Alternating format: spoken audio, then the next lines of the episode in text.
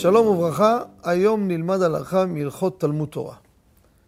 כידוע, הלכה פסוקה בשולחן ערוך, דברים שבכתב, אי אתה רשאי לאומרם בעל פה. אסור לאדם להזכיר פסוקים בעל פה שהם כתובים. תורה, נביאים, כתובים, הכל אותו דבר.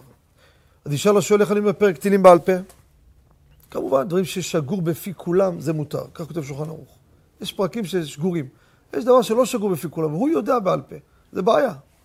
עכשיו, לא ניכנס לכל הסוגיה, זו סוגיה ארוכה מאוד. אני רוצה לדבר על משהו אחד מעניין.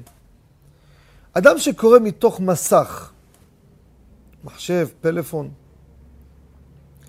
האם זה נקרא בעל פה או מן הכתב?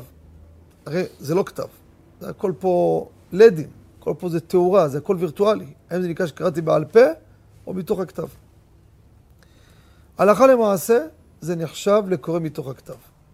כל הסיבה, יש כמה סיבות. הסיבה העיקרית, למה לא לקרוא בעל פה?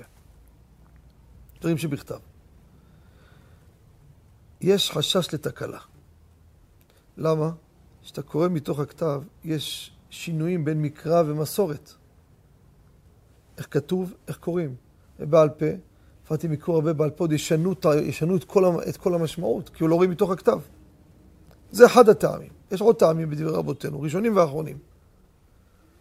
ולכן, במסך אין את החשש הזה.